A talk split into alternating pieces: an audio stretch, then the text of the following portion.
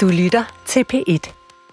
Hvis man har set reportageprogrammet, der hedder Over Atlanten, hvor man følger en flok kendte danskere, der skal krydser Atlanten på 21 dage, ja, så ved man, at øh, bølgerne kan gå rigtig højt ombord på en båd. Og nu skal kunsten også ud og sejle. Bikobefonden har nemlig uddelt udstillingsprisen Vision til et projekt, der hedder Roda Soft Water on Hard Stone. Og her skal en gruppe kunstnere og tænkere ud på en sejltur i den modsatte retning af den koloniale rute, hvor båden runder Rio og Lagos. Men hvad det helt præcist ud, øh, går ud på, det øh, kommer vi til at høre mere om om 45 minutter. Men, ja, og, og før vi kaster anker på Tinkers, men før, vi, før det kaster vi anker på Tinkerskolen i Odense, hvor eleverne har et særdeles veludstyret teknologilaboratorium. Der har både 3D-printer, Lego-robotter og ledninger og stik til produktion af elektriske kredsløb. Og hvis man nu tænker, det lyder dyrt, så kan man måske slå koldt vand i blodet, for det er nemlig ikke skolen selv, der har betalt.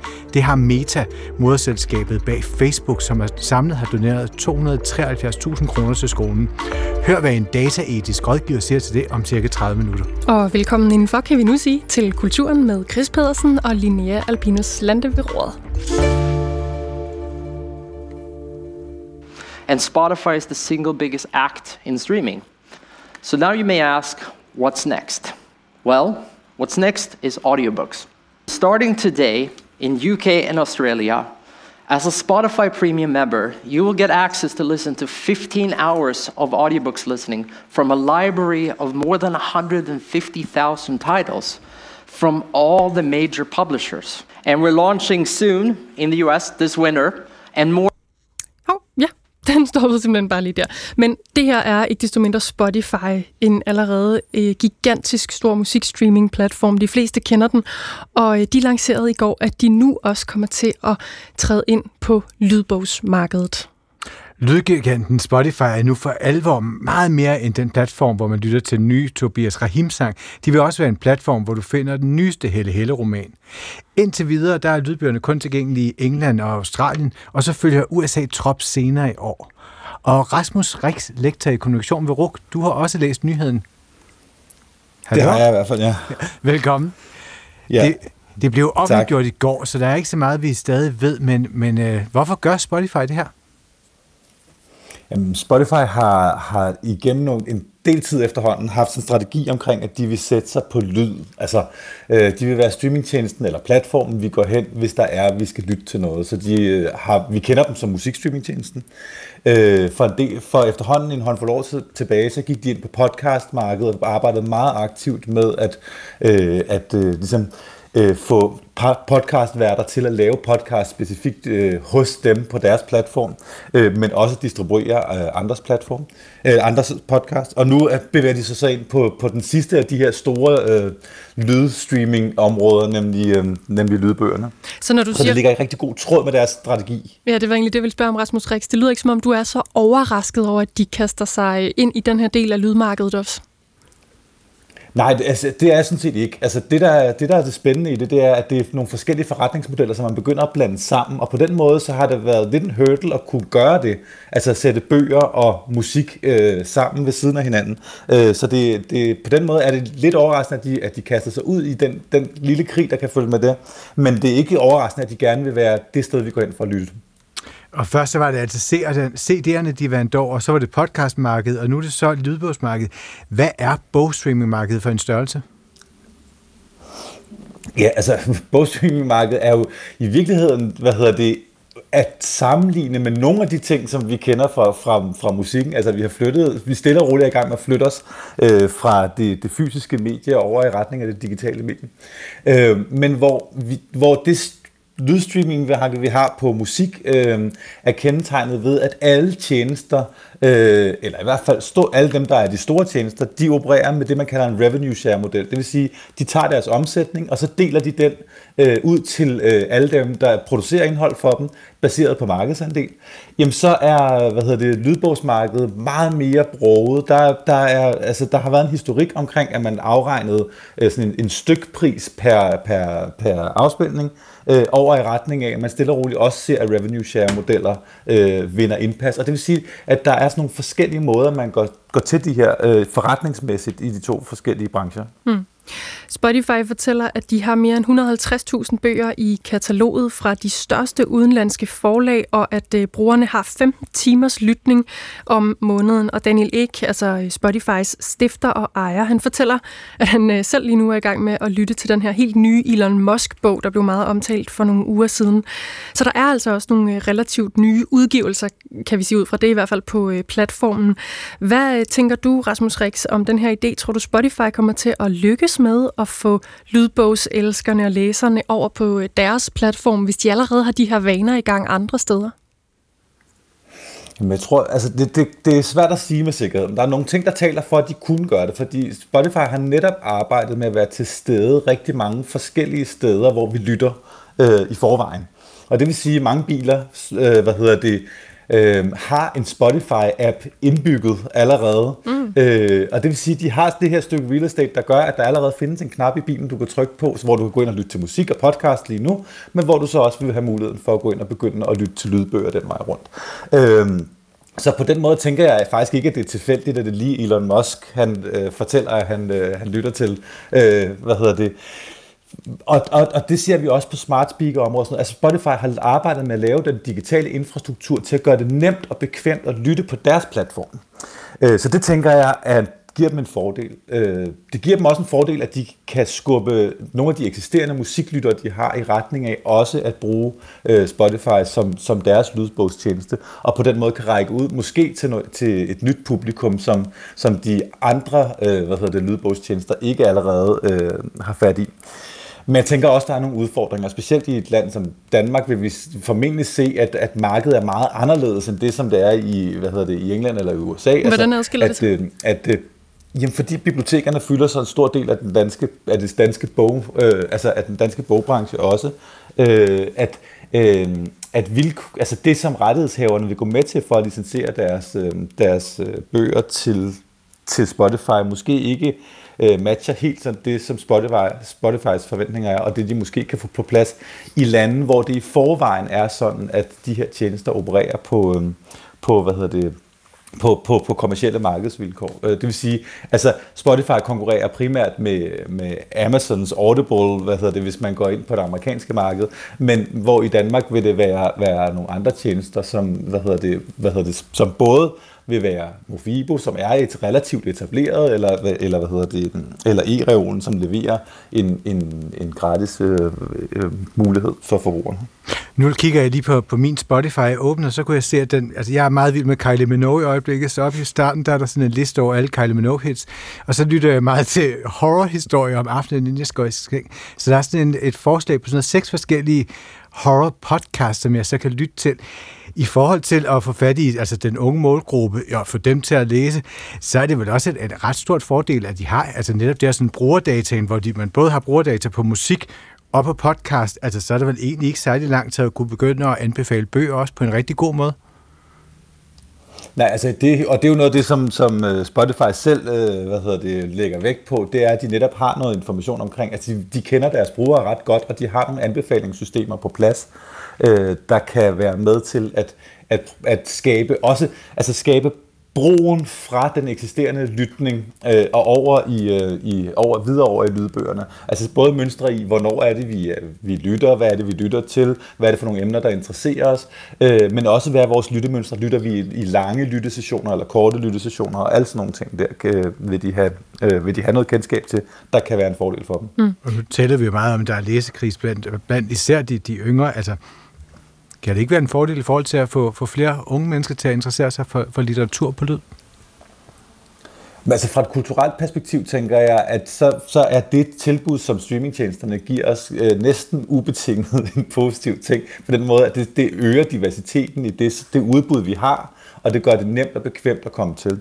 Øh, det, der kan være udfordringen i den, det er i høj grad de forretningsmodeller, der ligger nede bagved. Altså, hvad er vilkårene for at producere indhold øh, til de her tjenester, og hvordan forandrer de sig med, med udrulning af det her? Hmm. Øh, der har jo været øh, i forvejen meget tale om sådan nogle everything-apps, Rasmus Rix. Altså Elon Musk har været inde på det i forhold til X, og, øh, og vi ser det også i Asien, blandt andet de her apps, der kan alting i et, i et klik i en app. Tror du Spotify er ved at faktisk at udvikle sig i den retning? Altså, det er jo helt klart det, de er i gang med at gøre på, på lydområdet. Ikke? De er i gang med at blive everything sound, mm. hvis vi skal bruge det begreb. Ikke? Men, men altså, der er Ja, men der er jo en grund til, at der ikke er nogen, der har leveret det endnu øh, i, i Vesten. Altså, at det er netop er i Kina, at vi ser eksempler på, på velfungerende udgaver af det her.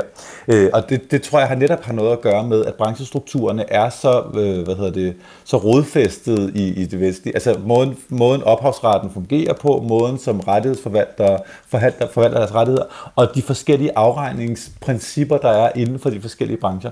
Og de gør, at de ikke nødvendigvis, de her brancher, kan arbejde særlig godt sammen og blive enige om, hvordan skal vi så afregne. Hmm. Vi ser udfordringen allerede nu. Altså, hvordan skal, skal en, øh, en afspilning af en sang på, øh, hvad hedder det, på Spotify tælle det samme som med lytningen af en bog, eller skal man tælle minutter, når nu vi ved, at, øh, vi, hvad hedder det, at Kylie Minogue-sangen vender vi tilbage til igen og igen og igen og igen. Øh, og du siger vi, at, jeg kigger på Chris. Jamen, du kan tage mig med ind i linjen. Sådan.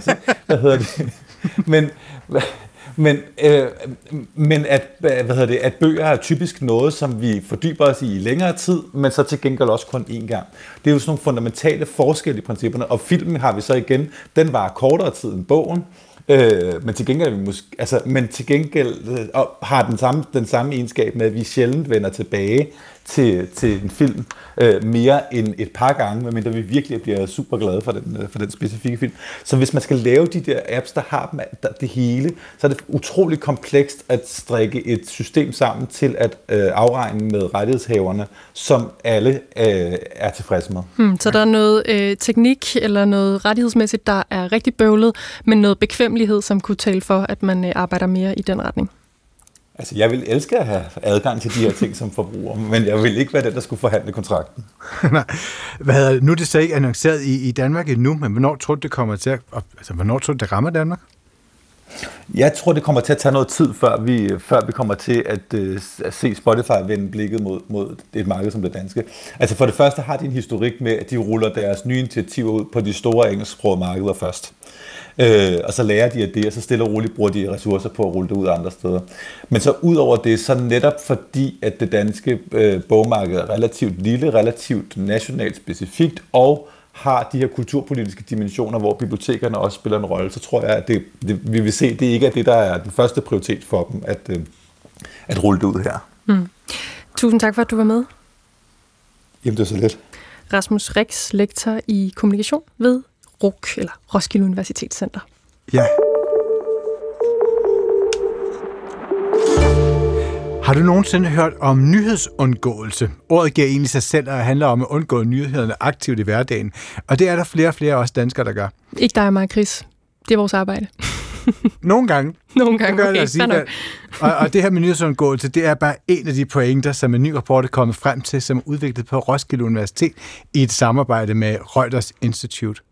Og en af dem, der står bag rapporten, det er dig, Mark Black Ørsten, professor i journalistik og leder af Center for Nyhedsforskning på Roskilde Universitet. Velkommen. Tak for det. Den her rapport hedder Undgåelse af nyheder, podcast og danskernes syn på public service. Altså ret meget på et bræt. Danskernes brug af nyhedsmedier jo også, og den udkommer i dag. Og hvis vi lige skal starte i de øh, brede vendinger, hvad er så de største overskrifter i forbindelse med ja, danskernes nyhedsbrug her i 2023? Jamen de største overskrifter er vel egentlig, at på trods af al den digitalisering, vi snakker om, alle de nye platforme, som dukker op, så er dansk nyhedsbrug til en vis grad ret traditionelt. Det vil sige, at man bruger de traditionelle nyhedsmedier, public service, øh, vores aviser, øh, og man bruger dem ret ofte. Man har relativt høj tillid til dem, øh, og en vis form for betalingsvillighed. Den er ikke kanonhøj betalingsvilligheden i Danmark, men øh, den er dog højere end i andre lande. Øh, og så kan man sige, at trends, så er det jo især brugen af podcast, som er noget af det, som vokser ikke kun hos de unge, som man har set øh, i de sidste par rapporter, men nu også til andre aldersgrupper. Mm. Hvad tror du, det har betydning, hele det her public service? Altså, hvorfor bruger vi dem? Jamen, det er der mange årsager til. For det første kan man sige, så har public service øh, et godt brand. Øh, det har en umiddelbart genkendelse. Øh, det har været med os i lang tid. Øh, og nyheder, øh, selvforståelse passer godt sammen med forståelsen af public. Altså nyheder øh, mener jo, at de er til gode til stede for at være et gode for os alle.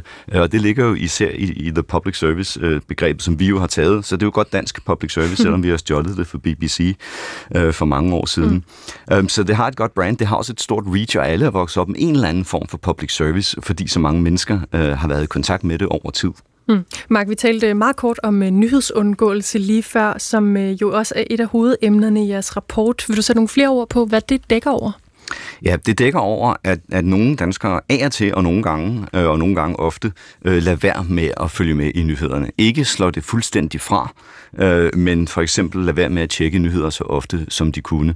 Altså rapporten laves, som jeg også indledningsvis sagde, i samarbejde med en masse andre lande, og det man kan bemærke sig ved Danmark, det er jo, at Danmark, Norge, Sverige og Finland på mange områder stikker lidt ud, og det gælder også nyhedsundgåelse. Der er danskere, som undgår nyheder, men der er langt færre danskere, som undgår nyheder, end for eksempel amerikanere, der undgår nyheder, og englændere, som undgår nyheder. Og jeg skal lige forstå, når du siger, at man ikke helt undgår dem, så er det måske, ja. at man hvad, ser TV-avisen kl. 18.30 hver aften, og så er det det, eller hvad betyder det? Fordi man Jamen, kunne jo i princippet tjekke sin telefon konstant og få nyheder. Det kunne man nemlig øh, i princippet gøre. Vi har simpelthen spurgt folk, øh, hvad de så gør for, om, så må sige, hvis de nu undgår nyheder, hvordan undgår de det så? Mm. Og der er svarene ganske simpelthen, jeg tjekker nyhedskilder mindre ofte.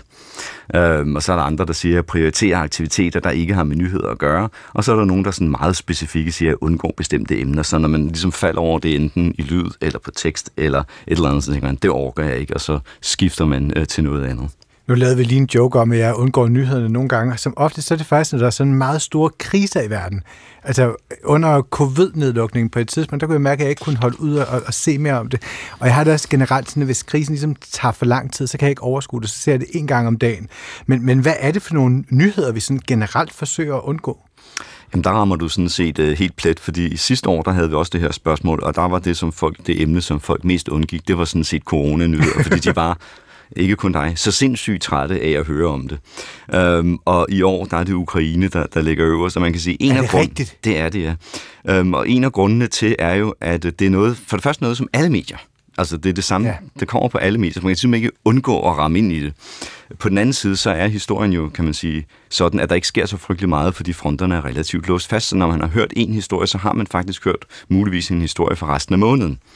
Um, og på den måde, så tror jeg også, at det hænger sammen med, at folk føler, at der sker faktisk ikke noget, og hvad skal de så bruge det til. Mm. Uh, så er det sådan en, en, en konstant, skal man sige, støj, der er også uh, krig, og det er ligesom det største. Ved vi så, Mark, hvordan man tager imod, hvis man undgår nyheder i, i, i sådan forholdsvis høj grad? Om de så, de nyheder, man rent faktisk får, om de får lov ligesom at marinere på en anden måde, og man forholder sig bedre i citationstegn til det, man så tager ind? Altså, der er i hvert fald undersøgelser, der viser, at hvis man sådan tester folks viden, så er den ikke afhængig af, hvor meget man, hvor mange nyheder man forbruger, men mere, mere hvilke typer af nyheder man forbruger. Mm. Altså, så man behøver ikke konstant at tjekke alting øh, for at kunne følge med. Der er det især sådan noget som public service nyhedsmedier øh, og klassiske avismedier, som, som bonger ud der. Den behøver man bare, kan vi sige, at bruge en gang imellem, for at kunne være i stand til at følge med. Mm. Hvem, hvor meget ved vi om, hvem der rent faktisk øh, i højst, højst grad undgår øh, nyheder herhjemme? Øh, jamen, det ved, vi en, det ved vi en del om, og det er, sådan, det er lidt forskelligt, øh, alt afhængig af, hvor man, hvor man ligesom kigger hen. Men det er øh, i høj grad, kan man sige, eller det er flere kvinder end mænd. Altså hos os er det 23 procent af kvinderne, som er mere tilbøjelige til at undgå nyheder end for eksempel mænd. Øh, så er det i høj grad øh, nogle af de unge, som øh, undgår nyheder. Og de ældre, de er sådan mindre tilbøjelige til at undgå nyheder. Men altså, vi skal huske på, at det, her det er også en, en spørgeskemaundersøgelse. Nogle gange så svarer folk jo også, at det forventede, og her er der måske nogen, der synes, det ville være forkert at undgå nyheder. Derfor er der måske nogle grupper, som svarer, skal man sige, lidt mere beredvilligt. Det gør de aldrig. Jeg tror, at de fleste af os egentlig har, har oplevelsen en gang imellem, at den historie har vi hørt før. Den behøver vi ikke at høre igen. Hvad kan den her nyhedsundgåelse have konsekvenser for os? Jamen, hvis den bliver permanent, kan man sige, så, så er det jo rigtig skidt for os, fordi så vil det der niveau af, af viden og, og lyst til at deltage i samfundet, viden om, om øh, politik, kan man sige, det ville svinde ind ifølge alle undersøgelser. Det, som man nok i første omgang kan gøre, det som nyhedsmedier tænke, at der er en re- lang række emner, som alle nyhedsmedier dækker, og vi behøver måske ikke alle sammen at dække dem lige meget. Altså, der er de der store fælles historier, folk i høj grad, øh, skal sige, melder fra på, når vi laver de her undersøgelser. Og der kan man jo spørge sig selv, hvor mange medier behøver at lave den samme historie, hvor ofte behøver hvert medie at lave en historie om det samme, når der nu mange gange ikke er den helt store udvikling at følge op på. Mm. Det er faktisk interessant, fordi det handler vel også det der med, at jeg kommer bare til at tænke, i forbindelse med Zelensky og Mette Frederiksen M16-flyene, der var det et lidt fornemmelse af, at jeg følger en del nyhedspodcast og en del mediepodcast. Jeg kan huske, dagene der omkring, der tror jeg, tændt for 5-6 forskellige, og så alle sammen havde samme sådan programflade på en eller anden måde. Så, så det er vel også noget med, at vi har fået mange flere medier, der kan bombardere os konstant. Det har vi også, så har vi jo fået, altså når der nu kan man sige, netop med Ukraine og Zelensky, når der nu ikke sker så meget på fronten, så er der jo også en stor, skal vi sige, PR-maskine i gang for Ukraines side, og den har jo også øh, alle, skal vi sige, en, en lang række nationale nyhedsflader, som den gerne vil, vil påvirke. Så når Zelensky kommer til Danmark og får nogle F-16-jæger, så ændrer det jo ikke umiddelbart på, på fronterne i Ukraine, men det giver utrolig mængder omtale, men mange kan måske nok også øh, gennemskue, at den omtale kan man ikke rigtig bruge til så meget nu. Så der er også noget at gøre med, at der er en vis iscenesættelse omkring denne her krig, som gør, at det egentlig producerer en lang række nyheder, som egentlig ikke rigtig er nyheder, øh, men som egentlig bare er begivenheder, fordi man gerne vil holde skal vi sige, bevidstheden om Ukraine højt. Mark, øh, hvor, hvor meget fylder den her nyhedsundgåelse? Vi har været kort omkring det, men generelt uden for Danmarks grænser. Altså, hvor ligger vi i forhold til alle de andre? Jamen, vi ligger ret lavt i forhold til alle de andre, kan man sige. Altså, især de nordiske lande ligger i den lave ende, og det skyldes både vores public service system og vores generelle velfungerende mediesystem, sandsynligvis også, skal vi sige, hele velfærdsstatssystemet med relativt høj uddannelse og den slags ting. Og når du siger lavt, bare lige for at alle ja, med, vi, så betyder vi, det, at vi læser forholdsvis mange nyheder. Vi læser forholdsvis mange nyheder. Der er kun 19 procent af danskerne, vi skal være sådan rent procentvise, øh, der undgår nyheder. I det højeste i de nordiske lande, det er i Norge, det er 23. Kigger vi til Storbritannien, så er det 41 procent af respondenterne i, i surveyen der, som siger, at de ofte undgår nyheder. Så der er ret stor forskel, kan man sige, mellem os og Storbritannien for eksempel. Hvor aktivt skal man fravælge nyheder, for at det bliver, altså, for man kan aflæse det? Jamen, det, der, er, der er, er, er spørgeskemaet meget varieret, så man kan have både ofte nogle gange, en gang imellem og aldrig. Uh, så så der, der er noget at vælge imellem kan man sige. Okay. Og for det meste, så ligger folk på, altså de fleste ligger på en gang imellem. Så må vi bare håbe, vi er enige om, hvad det betyder. Ja, det er jo så et rigtig godt spørgsmål, ikke? Øhm, det er i hvert fald ikke så ofte som ofte. Nej, okay, Mark Blak Ørsten, øh, nu går vi lige videre til et andet punkt, som handler om øh, podcastforbrug. Vi har nævnt det kort. Ja. Hvor meget fylder øh, podcastmediet i vores generelle nyhedsforbrug? Jamen, det vokser øh, ganske stødt, kan man sige. Hos os der er det 34 procent af danskerne, som lytter til specielle typer, øh, forskellige typer af podcaster. Vi er især fokuseret på, på nyhedspodcasts. Øh, der er nogle lande, der ligger lidt højere, for eksempel Sverige på, på 44 procent. Men det er vokset over tid. Vi har også lavet den undersøgelse et, et par gange, des, øh, et par år. Øh, og til at begynde med var podcast især noget for den yngre øh, aldersgruppe, det vil sige hos os de 18-24-årige. Nu er det til gengæld sådan, at øh, den ældre aldersgruppe, eller de ældre aldersgrupper, også er ved at komme med. Så det er ligesom bredt sig fra at være måske sådan et lidt modefænomen øh, blandt de unge, til at være noget, som, som omfavner i virkeligheden alle aldersgrupper snart. Ved man så, hvilke typer podcast de øh, lidt ældre målgrupper eller aldersgrupper hører?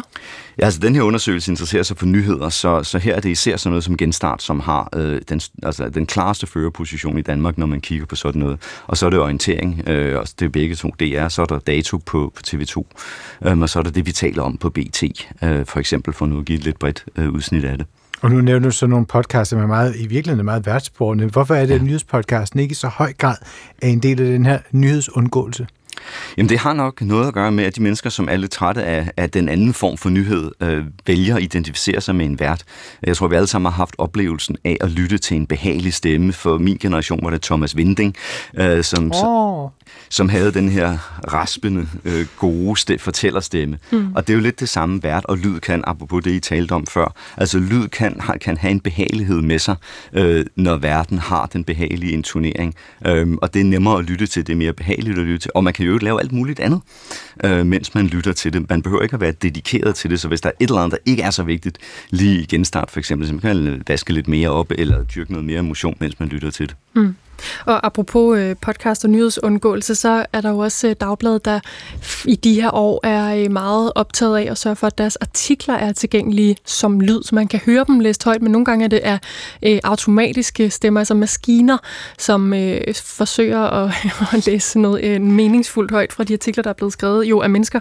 Øh, men, men hvor meget ved vi om, at det er en succes? Er det noget, folk ligesom bruger i deres lyd nyhedsmedieforbrug?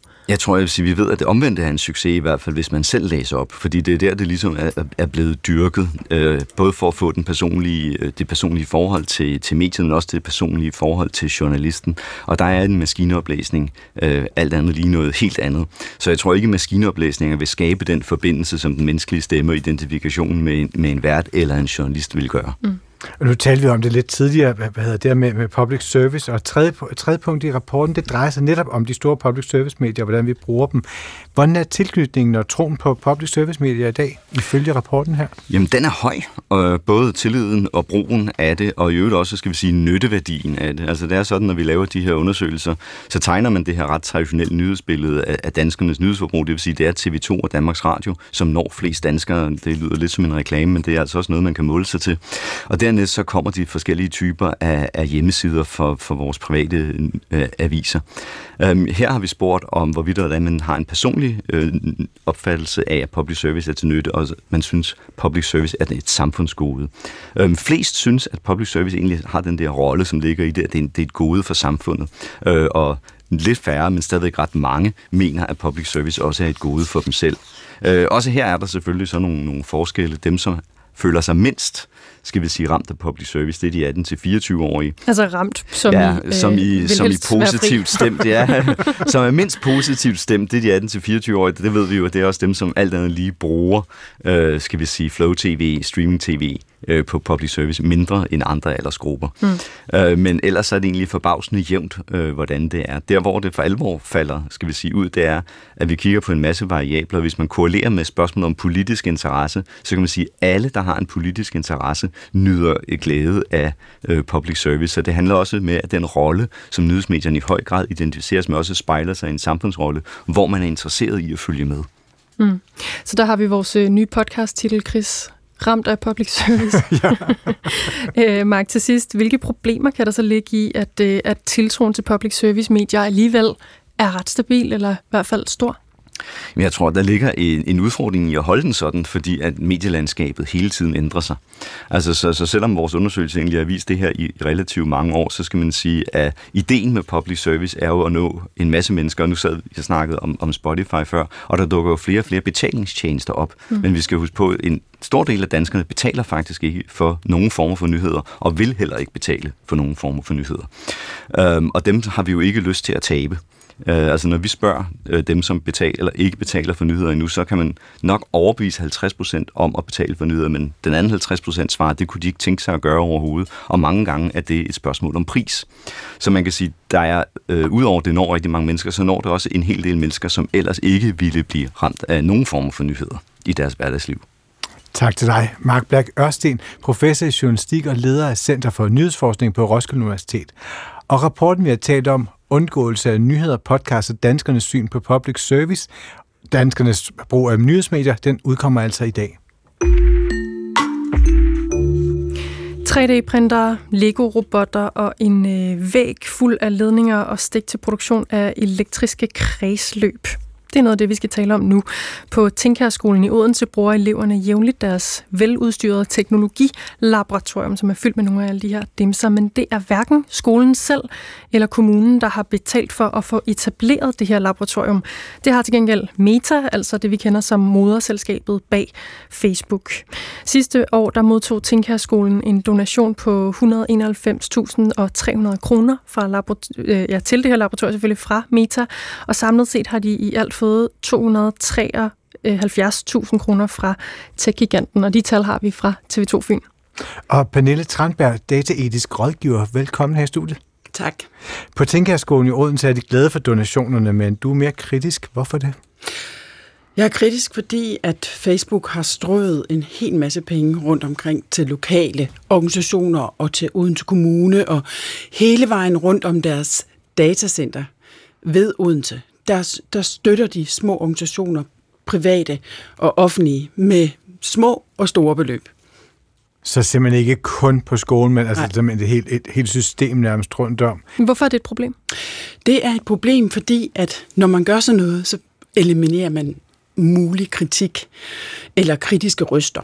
Og så er det en del af sådan større øh, ting, som øh, big tech virksomheder, især big tech virksomheder gør, og det er at udøve soft power. Altså jeg har været med til at lave en rapport, der hedder Big Tech Soft Power i Danmark, hvor vi blandt andet viser, hvordan de øh, øver indflydelse på vores samfund. Altså i stedet for at gå direkte til en politiker og lave lobbyisme og få dem til at få en ny holdning til en eller anden lov, så prøver man at påvirke organisationer, private og offentlige, ved enten at give dem penge, ved at være venner med dem, øh, ved at gøre noget, give dem noget, øh, som en skole her.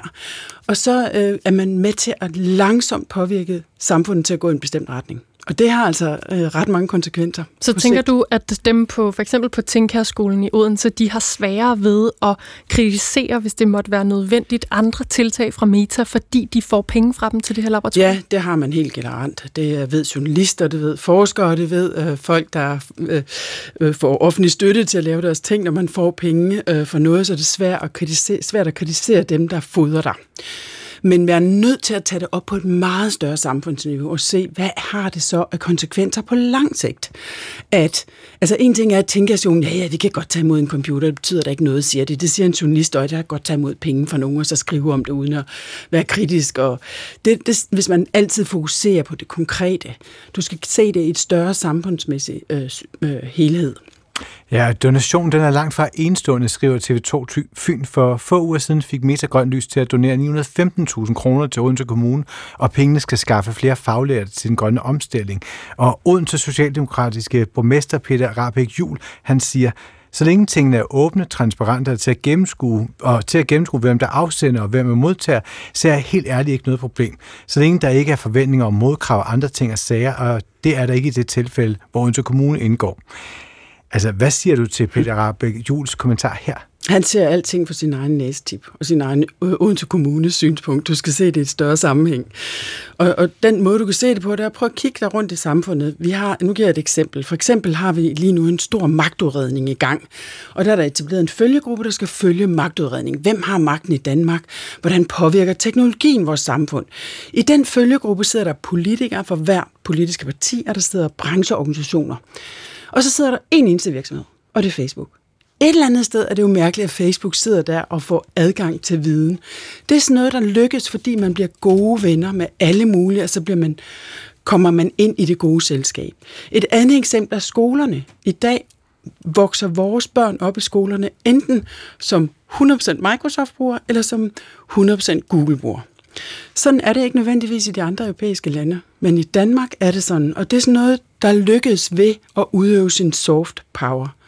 Og det skal vi til at være lidt mere opmærksomme på og have ud i en armslængde. Så lad os lige kigge på de konkrete interesser, som Meta kunne have i, for eksempel at samarbejde med Odense Kommune og med skoler i Odense osv. Hvad får de ud af, hvad kan de få ud af at donere tusindvis, måske endda millioner af kroner til en by som Odense? Altså for det første slipper de for kritik sandsynligvis. De slipper i hvert fald for noget kritik. Og så kommer de ind på de øh, bonede gulve og kan være med til at påvirke den lokalpolitiske øh, øh, udvikling. Altså, hvilken retning skal vores samfund gå? Hvilken lovgivning vil vi gerne have, hvad vil vi ikke have? Hvor kunne det konkret være? Hvor kunne Meta være interesseret? Det kunne være inden for miljø, omkring øh, miljø og vandforbrug, omkring øh, brug i sådan datacenter. Øh, det kan være alle mulige. Det kan også være på landsplan, fordi man bruger netop lokalpolitikere og lokale organisationer og sådan noget til at øve indflydelse via dem til at få ændret politikken. Og der har vel netop været meget snak om, hvor de skulle ligge forskellige datacentre igennem de seneste par år. Mm. Men, men hvor udbredt er den her, altså hvor udbredt er det med den her type af donationer fra private virksomheder? Det er ikke kun penge, men det er meget udbredt. Øh, det er lige så meget, man giver produkter væk. Ikke? Altså, vi har også et andet eksempel med i rapporten, hvor Google i mange år har givet Google Analytics væk, sådan øh, webstatistikværktøj, og Erhvervsstyrelsen rejst rundt med Google og promoveret det her gratis værktøj. Lige pludselig bliver det gjort ulovligt, fordi de faktisk ikke efterlever vores lovgivning lovgivning, hvilket er et problem, både Google og Facebook har. Og så sidder vi i saksen, fordi nu bruger vi det alle sammen. Ikke? Det er så ved at vende igen, men det er det, vi kommer til at gøre. Vi bruger deres produkter, som ikke nødvendigvis efterlever lovgivningen. Pernille Tranberg, øh, TV2 Fyn, har også talt med øh, Tinkærskolen i Odenses skoleleder. Han hedder Bjarne Nielsen, og han forstår ikke øh, den kritik, som du blandt andet øh, rejser. Han siger sådan her, vi har ikke modtaget nogen krav fra Meta i forbindelse med donationen. Og hvis vi havde, så havde vi slet ikke søgt deres fond. I virkeligheden mener jeg, at det er et større problem, at vi som skole ikke selv har råd til det her udstyr, men det har vi jo ikke, fordi folkeskolerne i dag generelt er underfinansieret. Det siger altså Bjarne Nielsen, som er skoleleder på Tinkærskolen i Odense til TV2 Fyn. Hvad tænker du om det? Jeg har skrevet fuldkommen ret i, at det er et problem, at de ikke selv har råd til det. Men han ser det igen. Altså han skulle læse den her rapport og forstå, at det genialt smarte set for big tech-virksomhederne. Det er jo netop, at de ikke har nogen modkrav. De stiller ikke nogen krav. Det er en del af den her større strategi omkring soft power, blød, usynlig magt.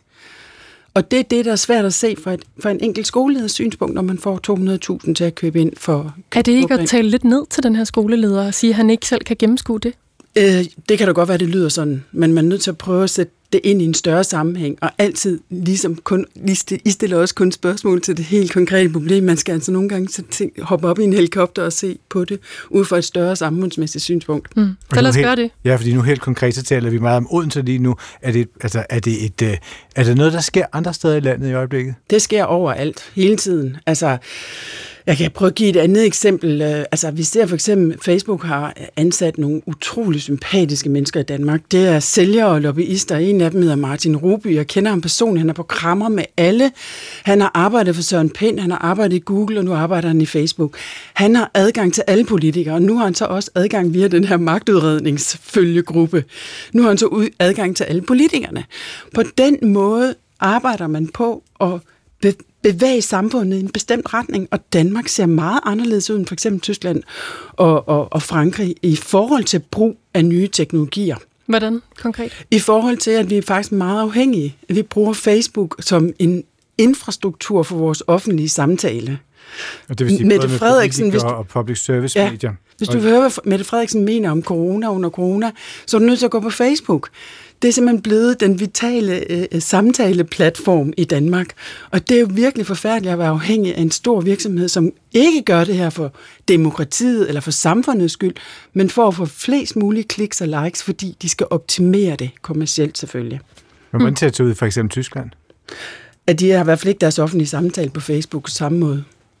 Okay, så kunne man så sige, at vi på en måde alle sammen er lidt, øh, altså med det du siger om, at man burde øh, undlade at tage imod donationer i det hele taget, for eksempel i Odense, ikke fordi vi skal dvæle helt vildt med det, ved det eksempel, men at vi alle sammen på en eller anden måde er lidt medskyldige i at give meter den her magt, fordi vi bruger det så meget. Ja, det er svært at give det enkelte individ eller den enkelte skolelærer skylden, men det er klart, når Odense Kommune der penge, når Erhvervsstyrelsen promovere et produkt fra Google, så er der, det er en blåstempling af de her virksomheder, og så tænker vi andre, så kan vi da også godt tage imod. Så ja, vi er på en eller anden måde hæler i det her, hvis man skal bruge sådan et grimt begreb. Ikke? Men det er jo dem, der er rollemodeller, øh, der, der fører an. Og nu bruger vi det her dataetik, det her ord. Er, vi bagud i Danmark i forhold til at tale om dataetik? Ja, det er vi. I forhold til at tale om for eksempel alternativer til nogle af de store tech-giganter. Altså, hver gang jeg sidder og hører Danmarks Radio, så sidder alle journalisterne og siger, så googlede jeg lige det og det og det. Hver evig en sekund er der reklame for Google. Der er faktisk rigtig mange alternative søgemaskiner, som danskerne ikke bruger. Altså, der, de fleste i Europa bruger Google som søgemaskine, men der er faktisk franske og hollandske og andre søgemaskiner, man godt kunne tage at bruge. Så ja, vi er ikke særlig gode til at tænke i alternativer og promovere nogle europæiske produkter, som, som efterlever vores lovgivning. Vi lader din opfordring stå, Pernille Tranberg. Tusind tak for, at du kom. Tak i lige måde. Dataetisk rådgiver. Vi har også ret ud til Meta, men øh, de har ikke svaret på vores henvendelse.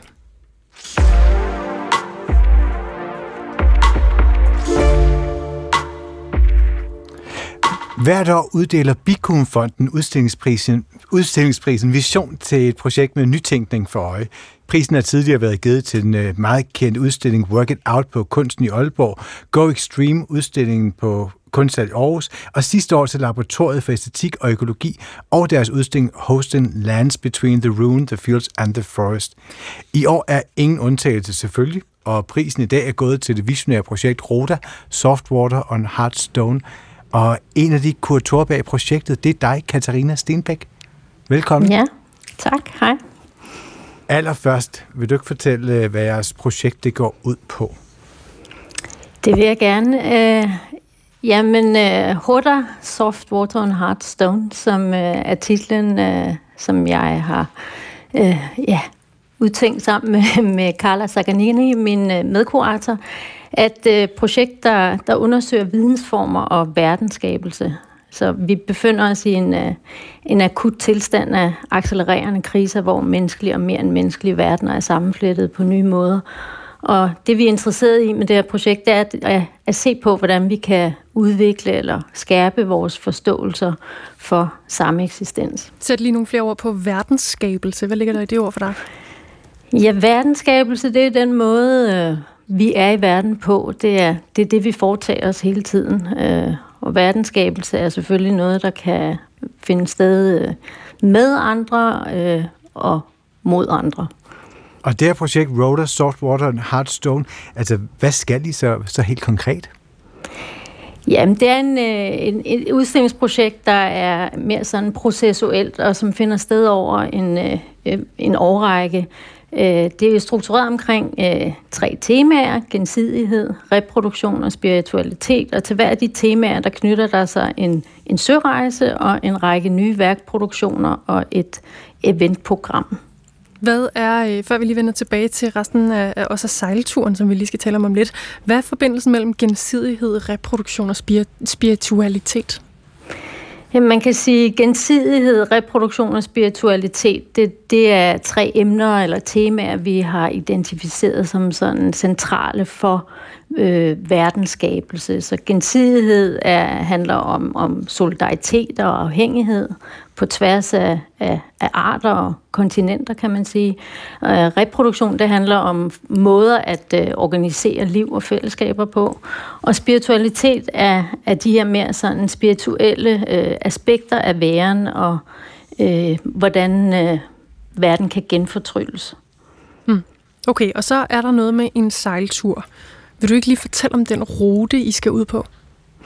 Jo, det er faktisk tre sørejser, øhm, som bevæger sig i den modsatte retning af den europæiske koloniale handelsrute, øh, for herved at pege på nødvendigheden i at afvise den logik, som har bygget den verden, vi er i, og i stedet, ved, i stedet for så vende os mod andre måder at øh, være i og, og skabe en verden på. Hvad er det for en øhm, logik, som I vil gøre med? Ja, men det er den her, øh, hvad skal man sige, en, en, øh, en mere eurocentrisk logik, en, en dominanslogik, som, øh, som, som er, har været en del af en, en, en del af den øh, verdensorden, eller den, den verden, vi, vi, den verdensorden, vi, vi, vi er underkastet. Så det er et forsøg på ligesom at, øh, at pege på øh, øh nødvendigheden i at afvise de her idéer og, og den her tænkning, og i stedet for så øh, retter, rette vores blik mod, øh, mod andre, øh, mod andre øh, måder at, at tænke og sanse verden på. Og hvor skal I så sejle hen? Helt konkret? Jamen helt konkret så har vi øh, tre samarbejder, eller vi har flere samarbejder, men vi har øh, tre destinationer. Ruten går fra, fra Danmark til Brasilien til Rio de Janeiro, og fra Rio de Janeiro til Lagos i Nigeria, og fra Lagos til København. Og hvorfor, og det, de, tre, de, hvorfor de to destinationer ud over København? Jamen, de to, de to andre destinationer er steder, hvor vi har øh, nogle samarbejdspartnere. Vi øh, samarbejder med en, øh, en øh, eksperimenterende kunstorganisation, Capacete i Rio de Janeiro, og øh, et øh, kunstuddannelsesprogram, øh, ASICO, i, øh, i, på Contemporary Center for Contemporary Art i Lagos. Så vi har ligesom, øh, vi har nogle samarbejdspartnere i de her steder, hvor vi så også vil, vil have eventprogrammer og øh, udvikle forskellige, øh, forskellige ting, vi, vi tager med tilbage til København. Okay, Katarina Stenbæk, så en del af jeres værk, det er de her tre sørejser, og så er det også det, der sker i Rio og i Lagos. Ja. Er der, der er både nogle med, med ombord på skibet, og så er der nogen, der samarbejder med jer, som I møder, når I når, når jeres destinationer? Ja, altså man kan sige, det er ikke én, én rejse, det er tre rejser, så ja. projektet er struktureret som sådan tre øh, cykluser, der hver omfatter den her, øh, den her sørejse og et særligt tema. Øhm, så på hver af de her sørejser, så øh, vil en mindre gruppe kunstnere øh, være sammen, hvor, øh, hvor, hvor de skal hvor vi skal øh, udveksle og øh, tænke og øh, gå i dialog med hinanden om, hvad, øh, hvad, hvad det vil sige at være i verden. Så, øh, så, så de her øh, destinationer bliver, bliver steder, hvor særlige programmer så udfolder sig, der er påvirket, påvirket af, af de, øh, ja, de aktiviteter, der finder sted ombord. Jeg kunne jo ikke lade være med at tænke på det der Discovery-program, sådan en reality-show, der handlede om, om sådan kendte danskere, der var ude at sejle, hvor Lars Lykke han blandt andet var med. Det var over Atlanten, hed det. Hvem skal med i, omkring den her båd? Skal Lars Hvordan, Lykke? hvordan vælger I? Hvad for en kunstner, I skal med? Ja, altså man kan sige, projektet er måske mindre reality-program og, og mere noget andet. Øhm, øh, vi, og det er stadig i sine meget sådan spæde indledende faser, øh, så vi har, ikke, vi har ikke en fuld kunstnerliste klar endnu. Øh, men det er, det er kunstnere, det er kunstnere fra, fra forskellige steder, og øh, altså i særdeleshed også øh, de steder, vi rejser til. Øh, men, men, men måske mindre sådan øh, med den her sådan lidt mere spektakulære reality øh, Jeg tænker bare, perspektiv. at, at når man skal sætte sådan en båd sammen, jeg forestiller mig, at det er jo lidt som at lave et rigtig godt middagsselskab. Middagsselskabet skal bare vare i virkelig lang tid. Og der må godt være lidt drama. Ja, at være ude på en båd, så, så I skal vel også ligesom kaste nogle mennesker, der kan arbejde og tale sammen. Og at det bliver vel også Ja. et, ligesom et, et, et projekt i sig selv at få inviteret de rigtige energier omkring på en båd. Jo, men absolut. Altså man kan sige, at, at udgangspunktet er selvfølgelig, at øh, vi, vi, vi peger på nogle, vi vælger nogle kunstnere, som er optaget af de her ting. Ikke? Og flere kunstnere er måske kunstnere, vi, vi har arbejdet med tidligere, eller kender fra andre samarbejder. En vigtig øh, ting i det her er jo ligesom at, at, at understrege det processuelle og forsøge at arbejde på andre måder, forsøge at skabe andre betingelser for udstillingsproduktion og værkproduktion. Så det handler også om at, at nedsætte tempoet, kan man sige. Det er også det, en, en sejltur gør frem for at flyve. Ikke? Så, så der, er, der er noget, der handler om at bygge videre på det, vi allerede har. Hvad er der, hvad er der af, eksisterende samarbejder? Hvad er der af eksisterende idéer? Hvad er der af eksisterende tanker og visdom, vi kan finde frem og bygge videre på. Øh, så det er også en, en del af projektet at forsøge ligesom at øh, afvise den her sådan øh, idé om at tænke nyt, og ting skal gå hurtigt. Øh, det rationale, som øh, en moderne, ja, den moderne verden, som vi kender den, er baseret på. Har I selv sejlet før? Øh, Altså, kender I det, det rum, I skal ind på, dig og Carla? Carla har nok større sådan erfaring lige med den øh, del af projektet, end jeg har. Ja. Så det vil sige, at du har ikke nogen. Nej, jeg har ikke den store erfaring med det. Okay, har I en båd?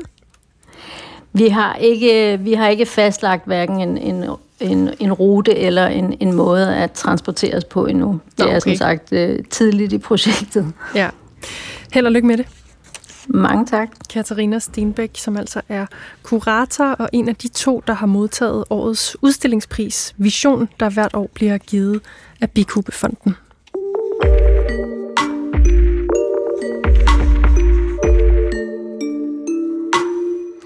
Vi nærmer os dagen for VM i bog. Ja!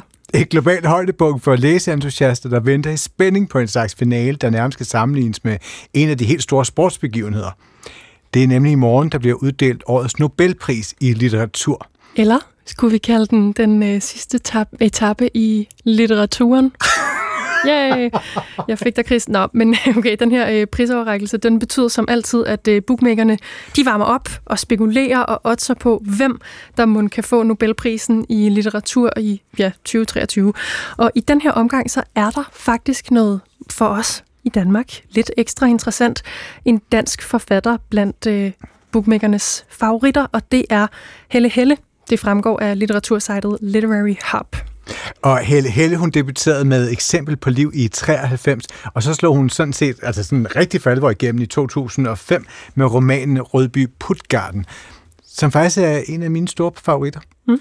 Og hun optræder lidt længere ned på Nobelpris favoritlisten, hvor den norske forfatter John Fosse ligger øverst. Og hvis man har oddset på ham, så får man mellem, så får man mellem 6 til 9 eller 6 gange igen.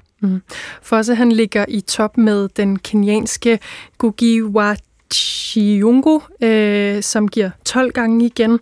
Han er øh, en af de forfattere, der faktisk tit dukker op i de her Nobel-spekulationer, og det gælder også for Ken Shui, den kinesiske forfatter, der øh, også florerer sådan i toppen af listen. Og hun giver sådan mellem 5 og 13 gange igen, hvis hun får den, når man har oddset på hende. Øh, og vores egen Helle Helle, hun giver 20 gange igen. Og det er kun en måneds tid siden, at Helle Helle var på besøg her i programmet, da hendes nyeste roman udkom. Den, og den hedder Hafni fortæller, og her sætter Helle Helle nogle ord på, hvem denne Hafni er. Altså en kvinde på 48 år, som vil fejre sin skilsmisse ved at drage rundt i landet og spise smørbrød. Det er noget, hun har drømt om lige siden dengang, der var Big Brother i fjernsynet. Og romanen foregår i 2013, så det er ved at være mange år. Øhm, og hvorfor vil hun så det? Mm, jeg tænker, at hun har længtes efter at være fuldstændig alene og fri af sin egen. Og så er det blevet det her smørbrød, som er omdrejningspunktet. Og så er hun også øh, en kvinde, som, som har lidt svært ved at sige nej. Og det ødelægger turen, kan man sige. Den, det er meningen, den skal have varet sådan cirka 12 dage, og så kommer den til at vare fire uger. Fordi hun på en gang ønsker at være alene, og samtidig ikke kan sige sig fri for andres selskab. Mm. Det er sådan et projekt, der handler om at lave sig selv om grundlæggende, eller hvad? Ja, det kan man godt sige. Det er i hvert fald det, hun siger først i bogen, som også er sidst i bogen, at hun, hun gerne vil lave sig selv om, men hun ved ikke, hvordan hun skal lave sig selv om. Så det er måske fordi, at det ikke rigtig lykkes for hende på hele rejsen, at hun siger sådan til sidst. Og det, det at hun vil lave sig selv om, det er Måske fordi hun har, ja nu skal hun jo skilles, og så kan der være mange ting, man har vendet sig til et ægteskab. Men også det, at øh, ja, ligesom mange af de andre øh, personer i mine romaner, så har hun haft let ved at lade sig trække med af begivenhederne. Og lige pludselig, hun havde mange forestillinger, da hun var ung, og lige pludselig så sidder hun i Frederikssund øh, med en mand og to børn og går tur hver dag og har taget forskellige. Hun har, det er ikke rigtig gået, sådan som det skulle gå. Hun kom ikke ind på medicin, og hun har læst dansk i to måneder, og så tog hun en halv kosmetologuddannelse. Og det var det. Og så er det alting blevet anderledes end forestillet. Og det fortalte altså Helle Helle altså om hovedpersonen i sin nye roman, der hedder Hafni fortæller. Og det er jo ikke den seneste roman, man får Nobelprisen for, det ved vi godt, det er for, for, for det hele. Og Helle Helle er altså book øh, altså på bookmakerlisten over alle mulige kandidater til Nobelprisen i litteratur i 2023, som bliver offentliggjort i morgen af det svenske akademi. De har uddelt den her pris siden 1901 og har øh, ja, store dele af verdens bevågenhed hver gang de gør det. Sidste år gik prisen til franske Annie Arnaud, som den 17. kvinde nogensinde til at modtage Nobelprisen i litteratur. Og begrundelsen lød på, at hun, altså Arnaud, konsekvent og fra forskellige vinkler udforsker et liv præget af stærke forskelle med hensyn til køn, sprog og klasse. Og hvis det nu skulle ende med, at den her pris går til Helle Helle i morgen, så bliver det tredje gang, at Danmark får en øh, litterær Nobelhyldest. I 1917 gik den til Karl Gellerup og Henrik Pontoppidan, og i 1944 til Johannes V. Jensen. Og i år fyldes den prestigefyldte vindertitel med 11 millioner svenske kroner, som så lige nu svarer til omkring 7 millioner danske kroner. Hmm. Blandt andre litterære stjerner for årets bookmakerliste er der også forfattere som Haruki Murakami, Michel Houellebecq, Anne Carson, Salman Rushdie, Karl Ove Knavsgaard, Margaret Atwood og Stephen King. Og det er i morgen omkring kl. 13, at det bliver offentliggjort, hvem der modtager Nobelprisen i litteratur 2023, og øh, vi lover, at vi selvfølgelig nok skal holde jer opdateret her i programmet.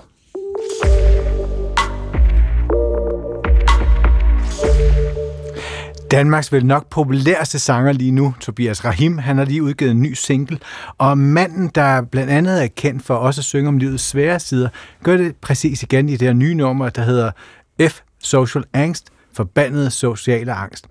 I teksten lyder blandt andet, forbandet, so, for, forbandet social angst prøver at gøre mig ensom, spænder i min krop indtil alle år er gået.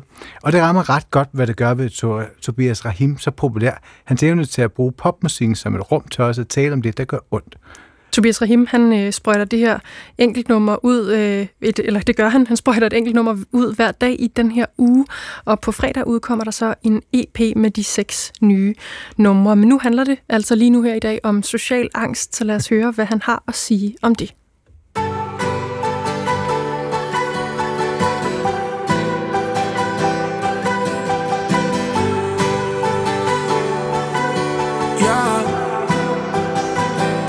bye.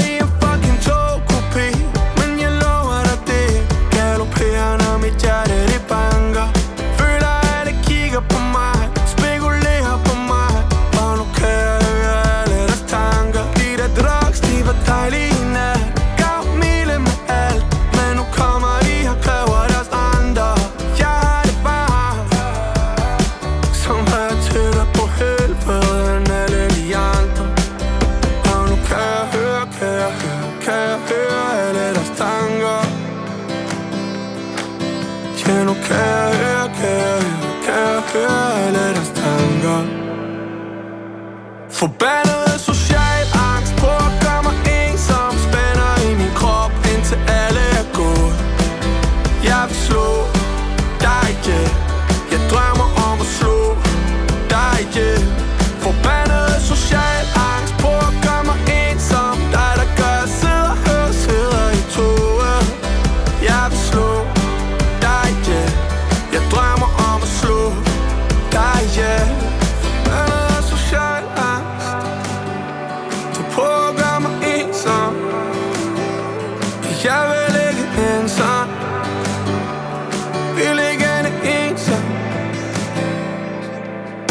optoget i en skov Hvor der er ikke nogen der kan se mig. Nu er jeg her helt alene med mine problemer. Presset på min skulder og terroriserer mig. Skal struben af telefonen Den vibrerer par. Min daddy har lagt sociale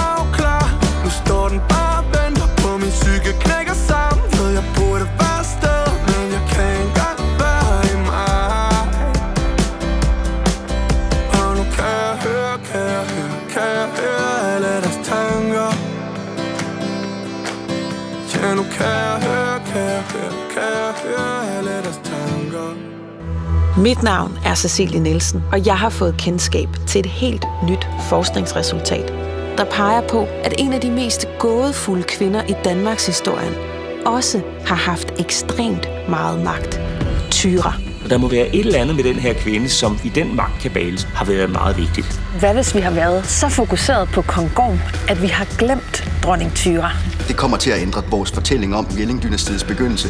Gåden om Tyra. Hvad hvis Danmark ikke kun begynder med en mand, men også med en kvinde? Nu på DRTV, og i aften kl. 21 på DR2. Og nu på P1 om et kort øjeblik kommer der en radiovis, og Chris, så er vi tilbage med en hel times kulturen på den anden side. Ja, det glæder vi os allerede meget til. Ja.